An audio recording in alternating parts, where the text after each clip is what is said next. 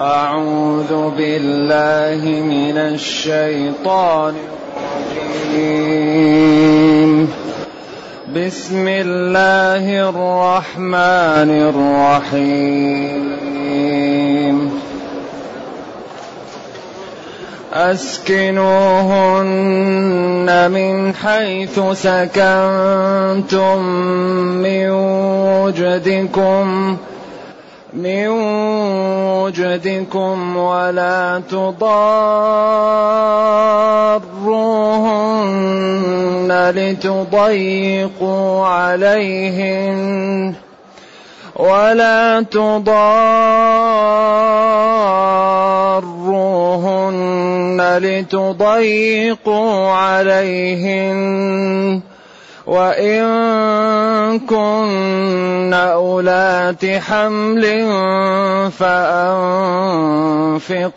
عليهن حتى يضعن حملهن حتى يضعن حملهن فإن أرضعن لكم فآتوهن أجورهن.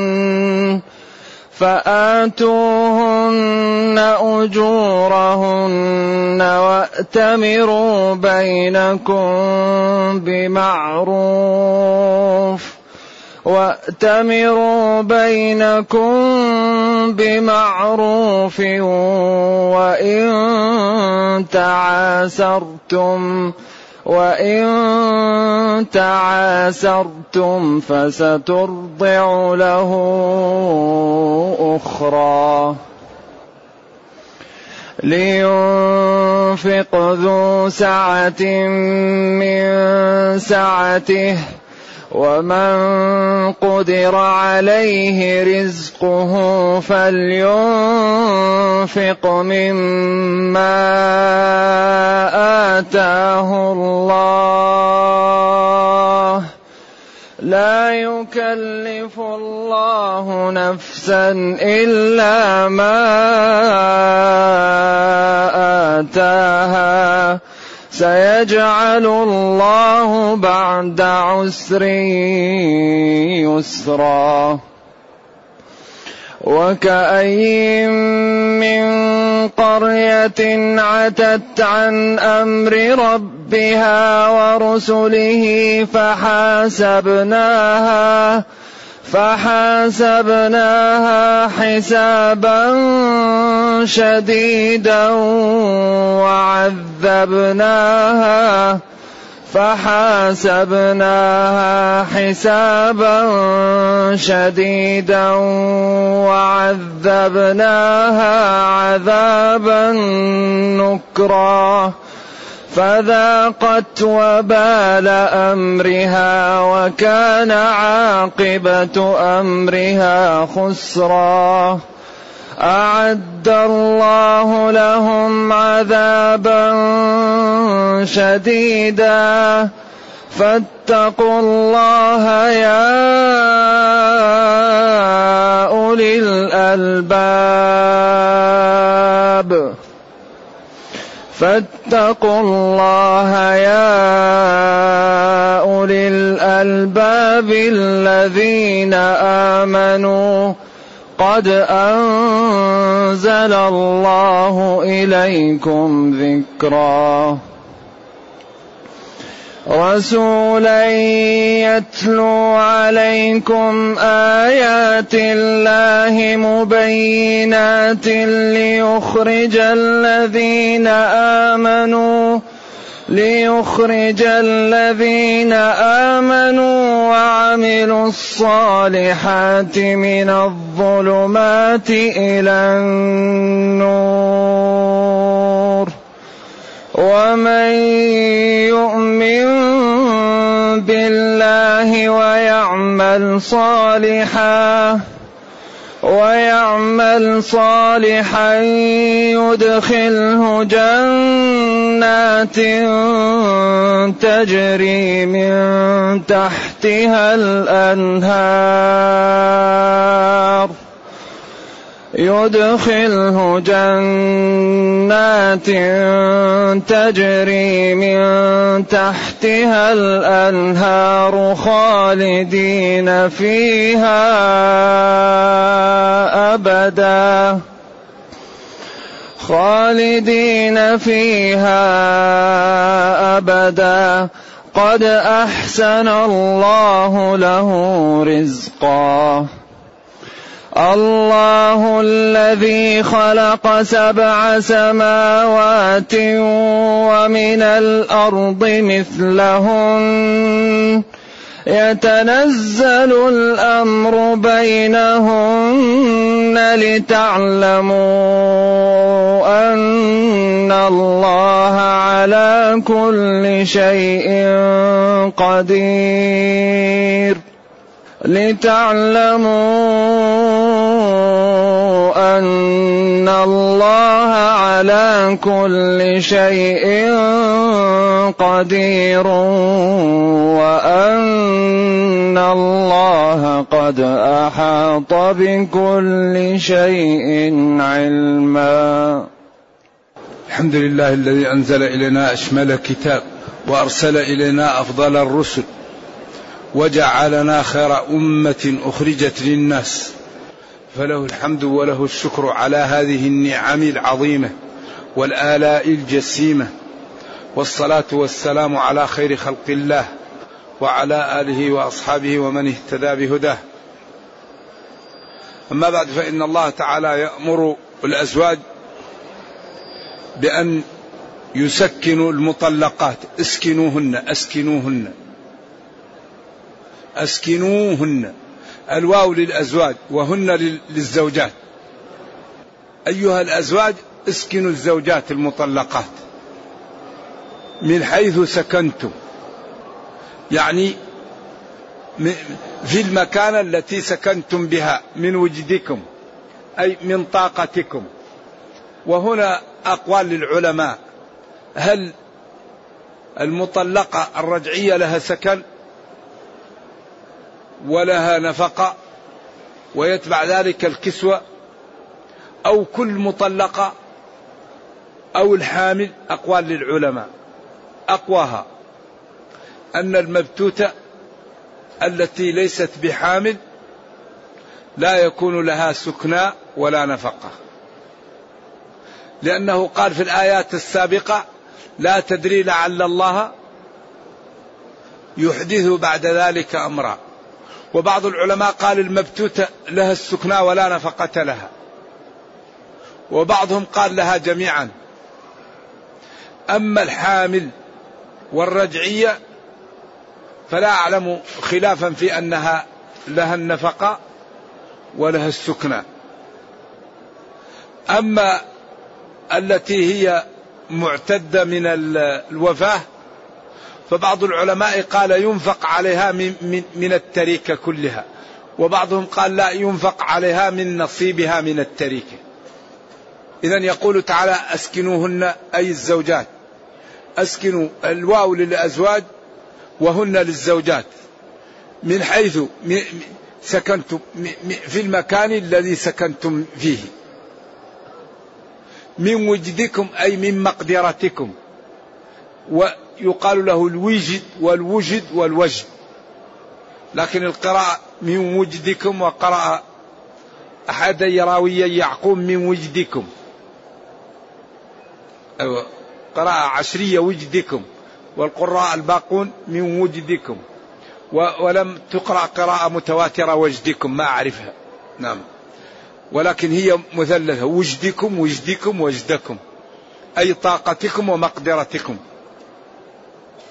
إذا يأمر الله جل وعلا الأزواج بأنهم يسكنون زوجاتهم المطلقة على قدر سعتهم.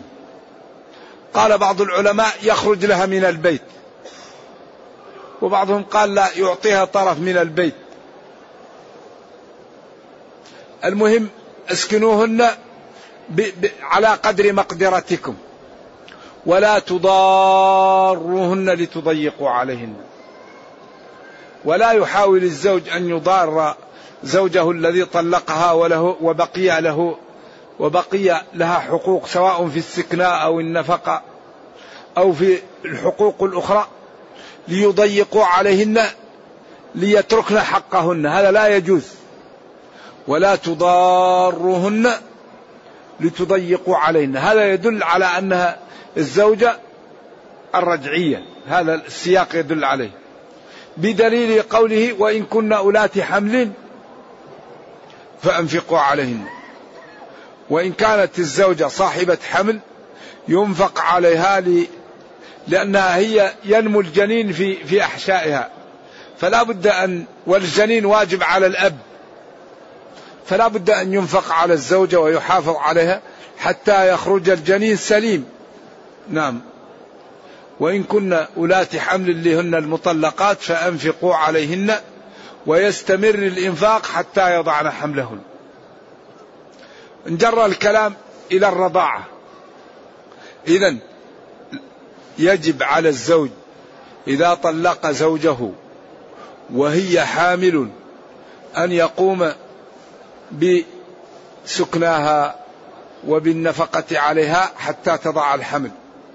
لقوله تعالى وإن كن أولات حمل فأنفقوا عليهن حتى يضعن حملهن. أما الرجعية فهي زوجة. المرأة التي طلقها زوجها طلقة رجعية فهي زوجه حتى تخرج من العدة. فإن مات ورثته. وإن أرادها أي وقت هي زوجه. فإذا خرجت من العدة انتهت العلاقة بتاتا ولا يمكن يأتيها يتزوجها إلا بمهر جديد وشهود وولي. أصبح لا علاقة له بها من حيث تسلطه عليها إلا بعد أن يعقد عليها عقد جديد. أما ما دامت المرأة في العدة وهي يعني غير مبتوتة وغير معطي لها مال للطلاق فهي زوجه. فإذا كانت أعطته مالا وطلقها فهذه يقال لها مخالعة وهي في العدة لكن لا يستطيع أن يردها إلا بمهر جديد وعقد جديد. العدة هنا لاستبراء الرحم لكن لا يملك فيها الزوج. إذا كان طلقها بعوض وأصبح خلع لا يكون لا يملك الرجعة. وكذلك إذا أعطاها طلق بائن على خلاف بين العلماء. لا يمكن أن يردها إلا بعقد جديد ومهر جديد وولي. إذا إن كنا أولات حمل هؤلاء المطلقات فأنفقوا عليهن نفقة تكون على قدر ما يحتاجه الإنسان ولكن الغني ليس كالفقير. نفقة الغني ليست كمثل الفقير. ولذلك قال على على على الموسع قدره وعلى المقتر قدره. حتى يضعن حملهن. فإن أضعن حملهن وكانت من من يرضع لأن المالكية يتشددون في قضية الزوجات. يقول الزوجة إذا كانت شريفة لا ترضع تأتي بضئر يرضع لها. وإذا كانت شريفة يؤتى لها بخادمين. أيوة. فالمالكية يروا أن المرأة لا تجب لا يجب عليها إلا أن تطيع زوجها في نفسها فقط. وأن الزوج يأتيها بخادم أو بخادمين. وإن كنا فأنفقوا عليهن فإن أرضعن لكم الزوجات فآتوهن أجورهن. إذا كانت الزوجة مطلقة إن أرادت أن ترضع ولدها تبرعا لها ذلك وإن أرادت الإجراء لها ذلك. فآتوهن أجورهن. وأتمروا بينكم ائتمروا افتعلوا من الأمر يعني تعاونوا. وكل واحد منكم يأمر الآخر بالرفق به والطاعة والتفاهم والتعاون على تربية الولد وعدم أذيته. لأنه إذا رفع السعر إذا خفض السعر هي لا ترضى الرضاع. وإذا رفعت السعر هو لا يرضاها تكون هي رضيع ضئر له رضيعة له. إذا ينبغي أن يتعاونوا بحيث هي لا تزيد عن السعر المعقول وهو لا ينزلها عن السعر المحدد للمرضع. وأتمروا بينكم بمعروف.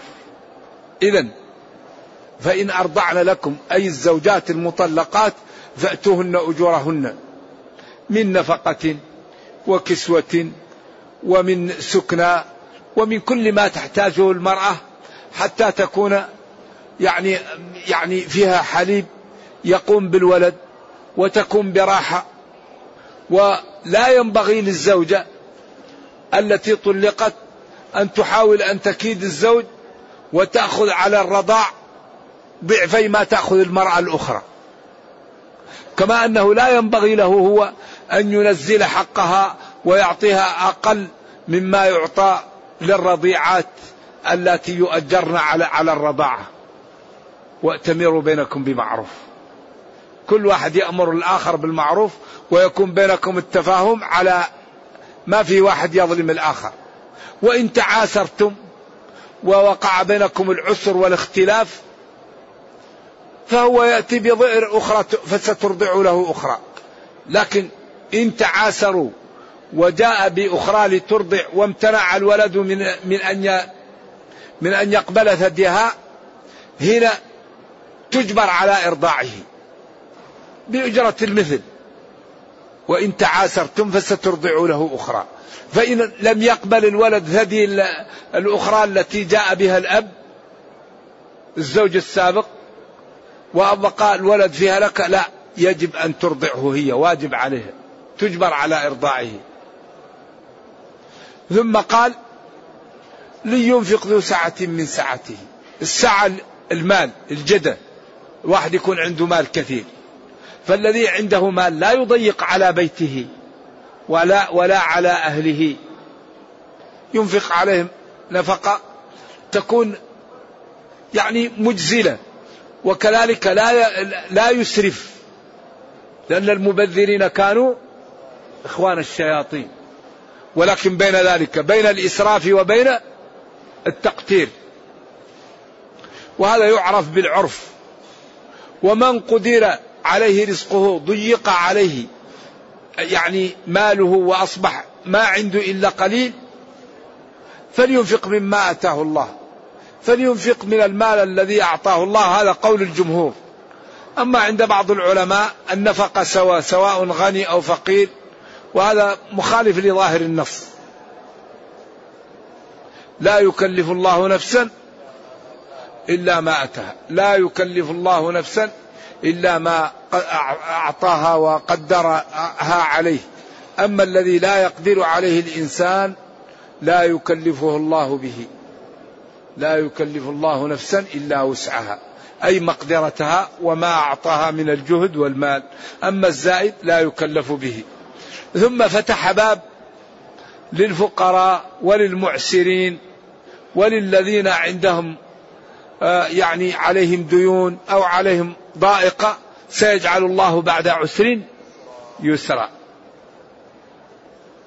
قال لن يغلب عسر يسرين. إن مع العسر يسرا إن مع العسر يسرا.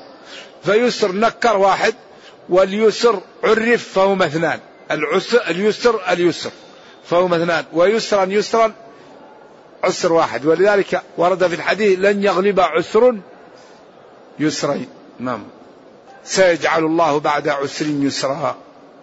يعني فإنسان إذا كان فقير الله قادر على أن يغنيه وإن كان عنده ضائق الله يفرج عنه. ولذلك من أكبر أسباب الغنى وجلب الرزق تقوى الله. الذي يريد الغنى يتق الله. استغفروا ربكم إنه كان غفارا. يرسل السماء عليكم مدرارا ويمددكم بأموال.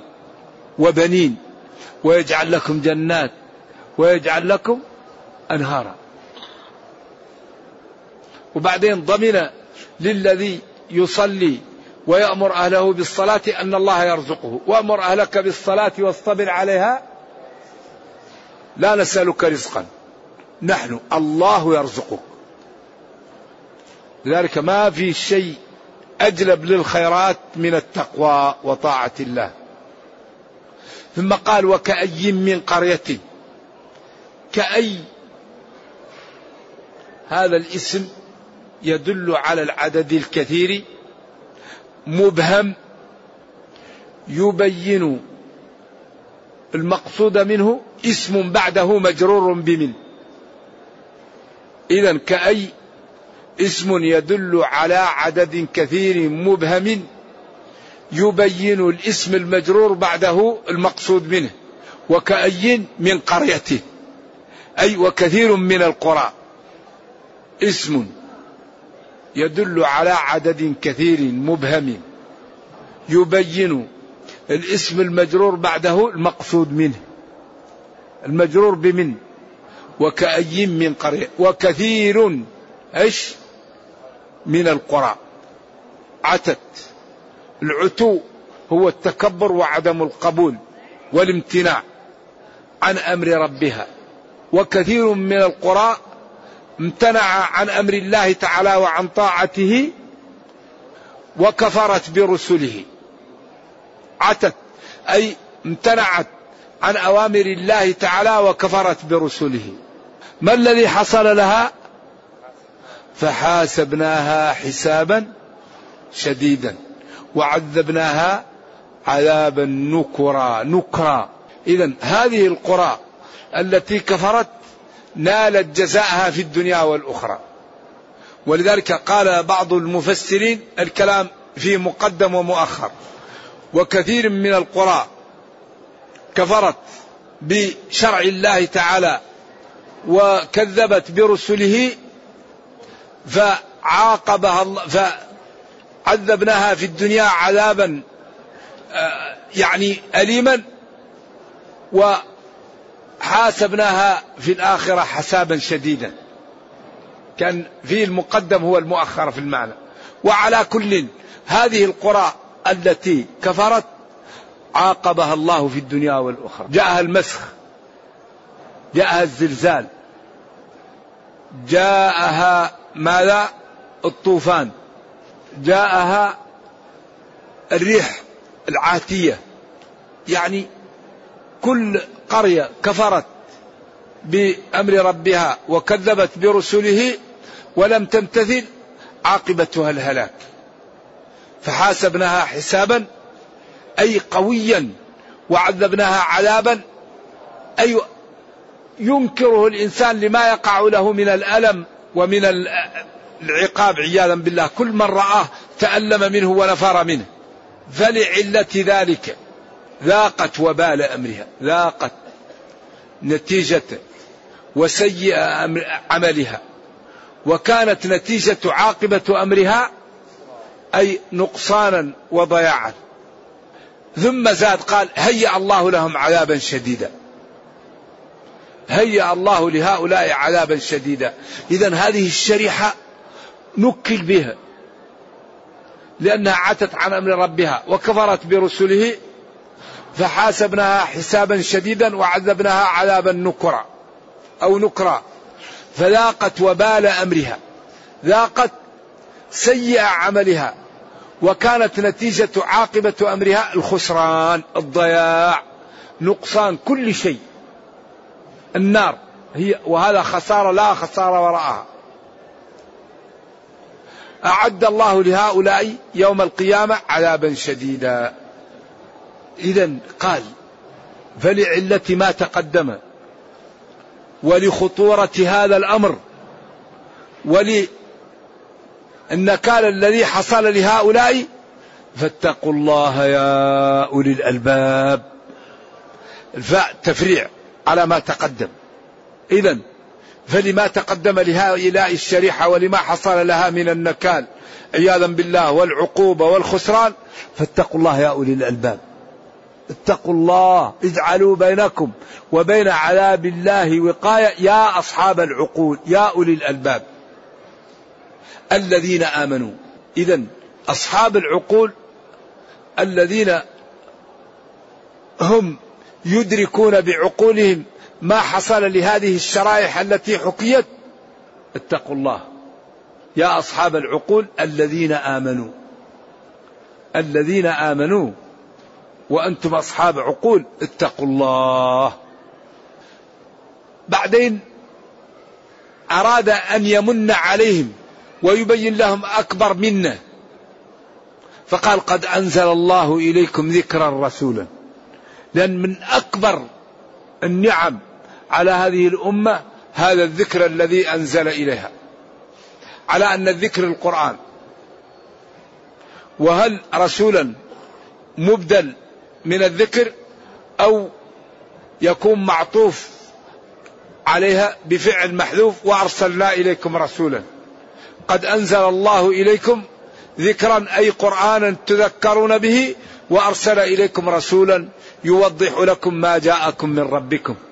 كما قال تعالى فأجمعوا أمركم وشركاءكم. نعم. وقال هناك آه يعني زججنا الحواجب والعيون. أي وكحلنا العيون. هذا كثير في القرآن. قال أنزل الله إليكم ذكرا وأرسل إليكم رسولا.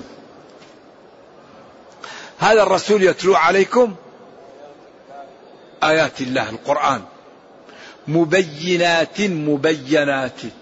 مبينات لما فيها من الأوامر والنواهي والأحكام. أو مبينات من الله أو من النبي صلى الله عليه وسلم والمعنى متقارب. باسم الفاعل أو باسم المفعول. أنزل ذلك لكي يخرج الذين آمنوا وعملوا الصالحات من الظلمات إلى النور. الذين آمنوا تشمل أركان الإيمان الستة وأركان الإسلام الخمسة. وعملوا الصالحات الفعالات الصالحات تجمع جميع أعمال الدين.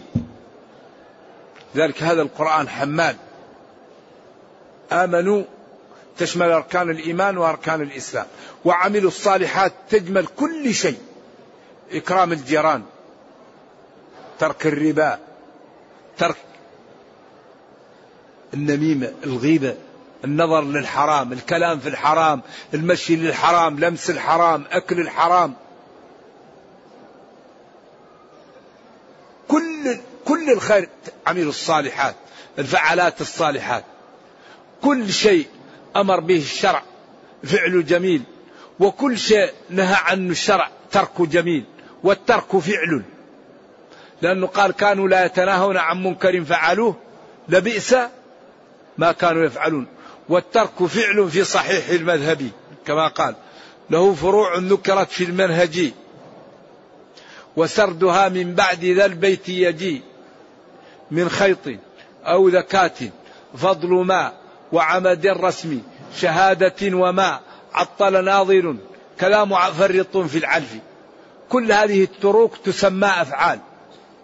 إنسان رأى دابة لجاره تريد أن تموت وهو عنده مدية. قد يذبحها بها لم يذبحها. هذا فعل قد يضمنه الدابة عنده فضلة ماء وواحد يموت بالعطش ما أعطاه إياها. قد يضمنه. أشياء يقال إنها فعل وهي ترك. ولذلك الترك فعل. رسولا يتلو عليكم آيات الله يقرأ عليكم آيات الله. القرآن مبينات واضحة لا لبس فيها. وكل ما تحتاجه الأمة مبين في هذه الآيات. لكي يخرج الذين آمنوا وعملوا الصالحات من الظلمات من الكفر والضلال والذنوب والمعاصي إلى النور إلى الإيمان وإلى الاستقامة وإلى التقى وإلى الخير. ومن يؤمن بالله ويعمل صالحا. هنا أوشكت السورة على تنتهى وأصبح الكلام مليء بالمعاني. ومن يؤمن بالله ويعمل صالحا يدخله جنات أو ندخله جنات تجري من تحتها الأنهار. إذا دخول الجنة بالإيمان والعمل الصالح. وهذا يكثر في القرآن والعصر. إن الإنسان لفي خسر إلا الذين آمنوا وعملوا الصالحات. ثم رددناه أسفل سافلين إلا الذين آمنوا وعملوا الصالحات. لذلك لا بد مع الإيمان من العمل. فالإيمان بدون عمل لا يقبل. لو كان حبك صادقا لأطعته. ذلك الذي يريد أن يدخل الجنة بدون عمل هذا لا. الجنة لا بد لها من العمل. يبذل من ماله يبذل من جاهه يبذل من نفسه. يبذل من راحته من عرضه. لا بد للجنة من ثمن لأنها غالية وأحسن ما ينال الإنسان الجنة فلها ثمن. ولذلك قال تعالى أوفوا بعهدي أوفي بعهدكم. خالدين فيها أبدا. إذا من يؤمن بالله ويعمل صالحا الله تعالى يدخله جنات تجري من تحت بساتينها ودورها الأنهار. لا خالدين فيها أبدا لا يخرجون منها. قد أحسن الله لهم أو له الساكن رزقا فيها قرارا وملبسا ومأكلا ومشربا وراحة وأنسا. لا, لا نفاد له. رزقا لا مثيل له. هذا التنوين للتعظيم. ثم دلل على ذلك بقدرته. فقال جل وعلا الله الذي أخبركم بهذا وأنه يعاقب الذين كفروا ويكرم الذين آمنوا قادر خلق سبع سماوات. هذا برهان على تنفيذ الوعيد والوعد. على أنه قادر على ذلك والدليل هذه القدرة الهائلة الله الذي خلق سبع سماوات. كل سماء فوق سماء. السماء يبعد عن السماء مسافة 500 سنة. سمك السماء 500 سنة. ما ندري ضوئية على الفرس على الجمل على الطائرة. الله أعلم. لذلك المراصد الموجودة والمراكب لم ترى السماء. ما في قوة الآن يمكن تصل إلى السماء. والله قال وبنينا فوقكم سبعا شدادا. وجبريل كان يدق الباب ويقول من جبريل ومن معه محمد صلى الله عليه وسلم أرسل إليه. نعم يفتح الباب. يفتح الباب. وجعلنا السماء سقفا محفوظا شدادا سبعا شدادا. والله قال بلسان عربي مبين وقال وما أوتيتم من العلم إلا قليلا. الآن هذا التطور المذهل لم يصلوا إلى السماء. كل مراكبهم ومراصدهم لا يعرفون السماء. المنصف يقول لم نرى سماء وغير المنصف يقول ما في سماء إذا الله المعبود بحق الذي خلق سبع سماوات. إذا ما وعد به قادر على تنفيذه وما أوعد به من العقوبة قادر على تنفيذها. فالبرهان على ذلك القدرة الهائلة. ومن الأرض مثلهن.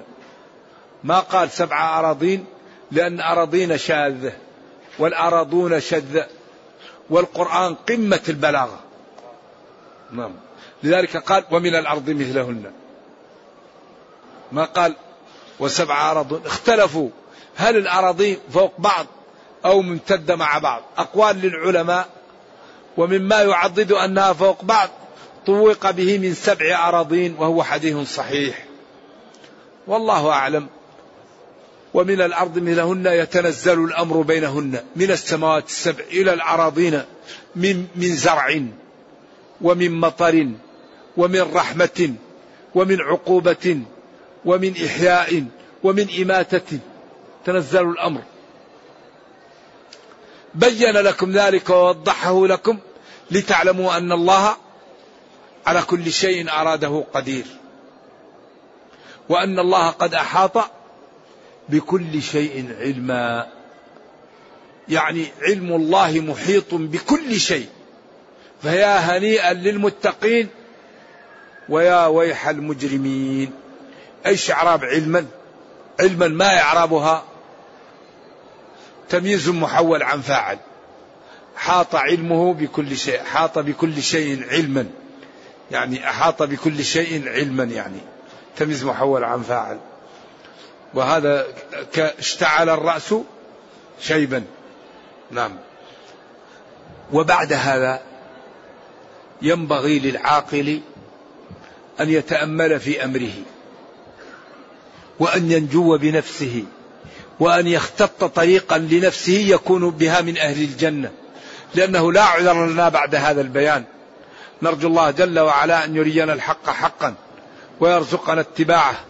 وأن يرينا الباطل باطلا ويرزقنا اجتنابه وأن لا يجعل الأمر ملتبسا علينا فنضل. اللهم ربنا أتنا في الدنيا حسنة وفي الآخرة حسنة وقنا عذاب النار. اللهم اختم بالسعادة آجالنا واقرم بالعافية ودونا وآصالنا واجعل إلى جنتك مصيرنا ومآلنا.